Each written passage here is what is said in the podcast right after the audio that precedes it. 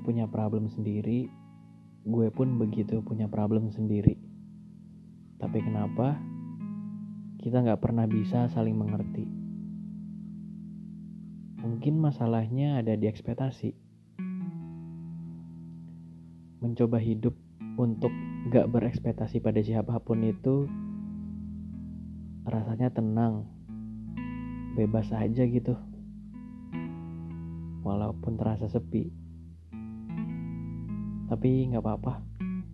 Mungkin hal-hal baik juga punya resikonya masing-masing.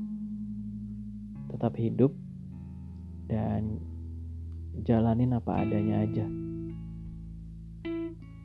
Semua akan berlalu kok.